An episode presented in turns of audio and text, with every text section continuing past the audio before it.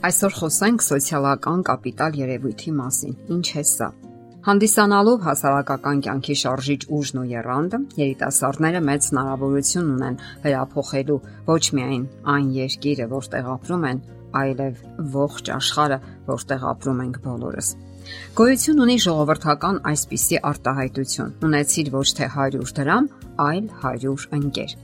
Այս ասացվածքը առավել քան փոխանցում է սոցիալական կապիտալի իմաստը։ Սա այն հարստությունն է, որը մենք հաճախ թերագնահատում ենք, սակայն անվիճելի փաստ է, որ շրջապատող մարդիկ ազդում են մեր սեփական կյանքի վրա։ Հե վերջապես սոցիալական կապիտալ ինչ է նշանակում այն։ Այս արտահայտությամբ հասկանում ենք մարդկանց միջև եղած կապերը։ Կապեր, որոնք ստեղծում են վստահելի հարաբերություններ եւ կարող են օգտագործվել նյութական եւ այլ տեսակի առավելություններ ստանալու համար։ Դա յուրատեսակ այսպես կոչված շրջան է, որտեղ մենք ջերմ ու սերտ հարաբերություններ ենք պահպանում եւ սատարում միմյանց։ Սոցիալական կապիտալի գլխավոր հատկությունն այն է, որ նրա հիմքում փոխադարձ օգնության եւ օգուտի սկզբունքն է որն անհնար է առանց փոխադարձ վստահության, իսկ դա իհարկե այնքան էլ հեշտ չի տրվում։ Այս սկզբունքը հրաշալիորեն հաստատվել է այն փորձերում, որ առաջին անգամ նկարագրել են գիտնականներ Ջոյս Բերգը, Ջոն Դիկխաուտը եւ Քեյվին Մակքեյբը։ Մասնակիցներից մեկին տվել են 10 դոլար։ Նա կարող էր այդ գումարով կիսվել երկրորդ մասնակցի հետ ցանկացած քանակով 0-ից մինչև 10։ Դրանից հետո գումարը երապատկվում էր։ Երկրորդ մասնակիցը կարող էր ըստ իր հայեցողության առաջինին վերադարձնել ցանկացած գումար։ Այս փորձում պահպանվում է հաղթանակ-հաղթանակ սկզբունքը։ Եթե առաջին մասնակիցը երկրորդին է փոխանցում ամբողջ գումարը եւ նա ստանում է այն երապատկված քանակով 30 դոլար եւ կեսը տալիս է առաջինին։ Այսպես երկուսն էլ շահում են, սակայն նման արդյունք ստանալու համար հարկավոր է զարգացած վստահություն։ Չէ՞ որ առաջին մասնակիցը չի կարող վստահ լինել, որ կարող է հետ ստանալ իր գումարների որոշ մասը։ Ահա այսպես է կառուցվում սոցիալական կապիտալը հաստատուն սոցիալական կապեր ձևավորելու համար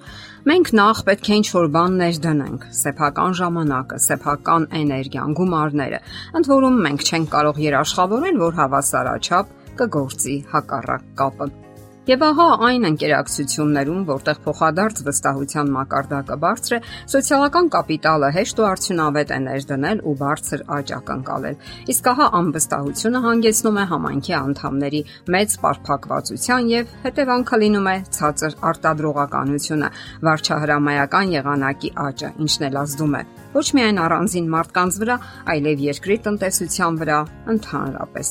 Օրինակ Ռուսաստանում Սկոլկովո խմբի մասնագետների կողմից կատարված ուսումնասիրությունները ցույց են տվել, որ տնտեսական աճը կարող էր 1.5 անգամ ավելի բարձր լինել, եթե հասարակության մեջ փոխադարձ վստահության մակարդակն ավելի բարձր լիներ։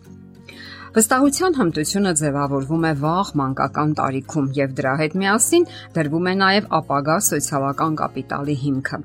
Մերձ մարդկանց հետ ջերմ փոխհարաբերությունների ժամանակ մարդու օրգանիզմում արտադրվում է օքսիտոցին հորմոնը, որը պատասխանատու է վստահության եւ շրջապատող մարդկանց սատարելու հմտության համար։ Իսկ եթե երեխան մանուկ ժամանակ պատշաճ ջերմություն եւ ուշադրություն չի ստանում, մեծանում է այն բանի հավանականությունը, որ նա չի սովորի սոցիալական կապեր ստեղծել եւ հասուն տարիքում կապավինի միայն իր սեփական ուժերին։ Այսօր շատ մեծ թվով մարդիկ չեն կարողանում սոցիալական կապեր ստեղծել բնական առողջ սկզբունքներով, անցյալում ունեցած հոգեբանական վնասվածքների եւ բացասական փորձառությունների պատճառով, եւ բնականաբար չեն օգտվում այն հնարավորություններից, որ կարող է ընձեռել սոցիալական կապիտալը։ Սակայն ի ուրախություն շատերի այդ հմտությունը կարելի է զարգացնել։ Եվ նախքան սեփական սոցիալական կապիտալի հմտությունները զարգացնելու եղանակներին անցնելը, մի քանի խոսքով նկարագրենք, թե ինչ է անվստահությունը կողմը։ Նախ ասենք, որ անվստահության որոշակի քանակ անհրաժեշտ է,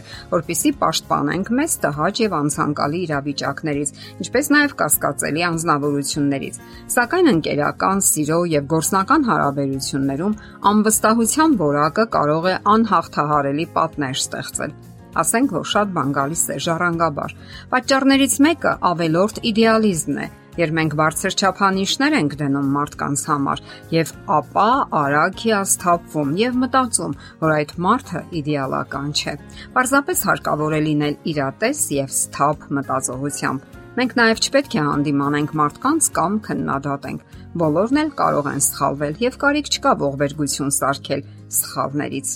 Դե ի՞նչ, մտածեք սոցիալական կապիտալի մասին։ Արդյոք դա կարևոր չէ ձեր աշխատանքային առաջընթացի եւ բարեկեցիկ հոգեբանությամբ ապրելու համար։ Եթերում է ճանապարհ երկուսով հաղորդաշարը։ Հարցերի եւ առաջարկությունների համար զանգահարել 033 87 87 87 հեռախոսահամարով։